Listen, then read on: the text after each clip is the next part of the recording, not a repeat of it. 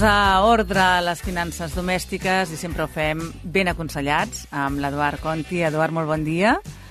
Molt bon dia, què tal? Eh, ell és economista i, a més a més, mm, doncs, està acostumat a gestionar l'economia més domèstica, la més quotidiana, la de les famílies. I avui parlarem d'un tema que afecta moltíssimes famílies en general, perquè estem parlant de deutes, qui més qui menys té alguna cosa per pagar a, a plaços, no? a, a terminis, i, i nosaltres en volem parlar avui però de la reunificació de deutes. Que Sí, sí, diríem que un 4% de les famílies van reunificar els seus deutes l'any passat, segons un estudi de Asofin, i en el cas de Catalunya això serien eh, 120.000 famílies, que déu nhi no és poca cosa. És bastanta gent i, a més a més, hem de pensar que és en un any. És, No és una xifra acumulada, sinó que, que, sinó que l'any passat no, van haver-hi 120.000 pa- famílies aproximadament que van reunificar deutes. Llavors, què és la reunificació de deutes? No? És la, la primera pregunta. Um, la reunificació de deutes consisteix en agrupar tots els deutes en un únic préstec. O sigui, ja més de la meitat de les famílies al nostre país tenen, tenen algun tipus de deute, sigui que la xifra està quasi al 60%, doncs el que fan aquestes famílies és juntar tots aquests deutes i agrupar-los en un únic. Llavors, hipoteques, crèdits, deutes de targetes de crèdit, etc. Tot això són deutes que tenim les famílies i el que fem és, el, o el que es fa és cancel·lar tots aquests deutes i fer un nou préstec personal o hipotecari, un únic, eh? amb la suma de tots els saldos pendents. Aleshores, les persones o famílies que ho demanen generalment pateixen dificultats per fer front als seus pagaments, o sigui, dificultats inclús per arribar a final de mes. No ho fan perquè sí, ho fan perquè, com saps, les quotes dels, dels préstecs, de les hipoteques i tal, són una despesa fixa mensual. Uh -huh. Llavors és una despesa que, com un martell, cada mes, pum, pum, pum, pum, pum, no? I això en, clar, fa que els nostres recursos limitats tinguin una part fixa que se'n va a pagar aquests, aquests deutes. Llavors, um, al final l'objectiu d'aquest tipus de d'aquesta opció de la reunificació de deutes és que la quota mensual resultant sigui bastant inferior a la suma de les quotes dels préstecs cancel·lats. Eh? O sigui, si una persona està pagant una 800 euros d'hipoteca, 300 euros del crèdit del cotxe, 100 euros d'un crèdit per la compra d'un electrodomèstic i 50 euros per un altre crèdit, no? en total està pagant una quantitat, doncs la idea és que al, reagrupar-los tots i convertir-los en préstecs amb un termini més llarg, la quota resultant sigui inferior. Uh -huh. I per què la demanen tantes persones? Perquè, en principi, la banca sempre guanya. Aquesta frase és així. És a dir, que si és un producte bancari, potser estarem acabant pagant més. Explica'ns, per què la gent la demana tantes, persones, tantes vegades? Mira, la, el, aquí hi ha, un, hi ha un fet també que és, que és conjuntural, que és el que està passant els últims anys, no? O sigui, el, el, des de l'any 2020 han passat moltes coses i ha crescut el nombre de, de famílies que demanen reunificar els seus, els seus crèdits. El 2020 i el 2021 va ser la pandèmia.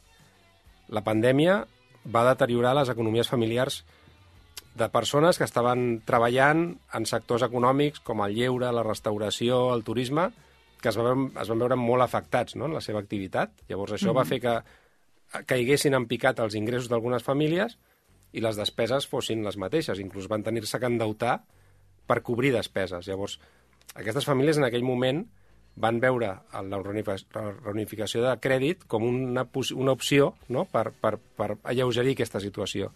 Però és que després, des de l'any passat, del 22, s'està notant moltíssim en les famílies la coincidència de dos fets. Una elevada inflació, que n'hem parlat en aquest programa moltes vegades, la, la inflació està afectant a béns essencials com l'alimentació, l'energia, etc i afecta a totes les famílies, en especial les més vulnerables, i també ara, des de fa uns mesos, la pujada de tipus d'interès en picat. La pujada del tipus d'interès el que fa és encarir el crèdit. I encareix, per exemple, les hipoteques d'una forma bestial, no? I a més a més passa de cop, perquè les revisions de les hipoteques tenen lloc un cop a l'any i de cop t'arriba l'avís de que a partir del mes que ve pagaràs 200 euros més. Sí, sí, Cada mes. eh, És evident No? que d'estar això un pressupost familiar, segur. Clar, perquè totes les hipoteques variables re- referenciades a l'Euribor, clar, l'Euribor ha pujat de, de, del menys 0,5 al 3% en, en un any, més o menys. Eh? és, un, és un canvi molt gran. Llavors, tot això afecta, no? aquestes pujades de tipus d'interès afecten l'Euribor, afecten també els crèdits en general.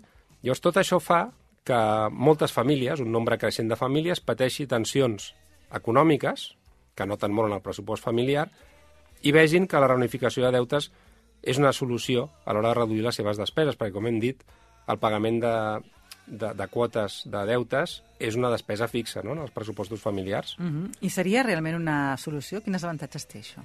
Mira, l'avantatge més directe que té és que reduïm la, la quota mensual total no? de, dels nostres deutes. Llavors, el percentatge de pressupost que hem de dedicar a pagar deutes és menor. O sigui, estem gastant menys cada mes en pagar aquests deutes perquè els hem reunificat amb un de sol, amb un termini més llarg, amb una quota més baixa. Uh -huh. Llavors, això té un efecte a curt termini positiu en el pressupost personal i familiar perquè redueix la despesa mensual total. Això és la part bona, eh? és una part real. És, tenim un problema molt gordo amb, el, amb les despeses, amb el pressupost de casa, això ho trobem com una solució per, per alleugerir aquest problema o, fer, o fer-lo més petit, no?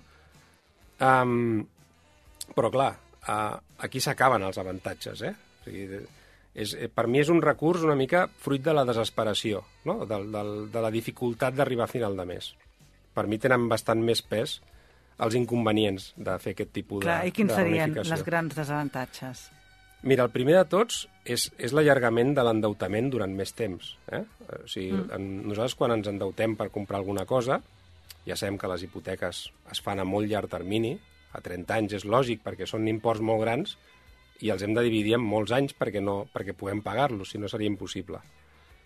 Però, però el fet és que, clar, una cosa és comprar-te un pis i l'altra és tornar amb 10 anys al, unes vacances. No? Això no té tanta lògica, no? perquè al final unes vacances les disfrutem durant uns dies l'estiu del 2023, no té molta lògica que seguim pagant aquelles vacances fins l'estiu del 2033, no? No, no és, no és, no és sa econòmicament. Exacte. Llavors, allargar l'endeutament durant més temps és un gran desavantatge. Després, quan allarguem la vida d'un préstec, sempre acabem pagant més interessos.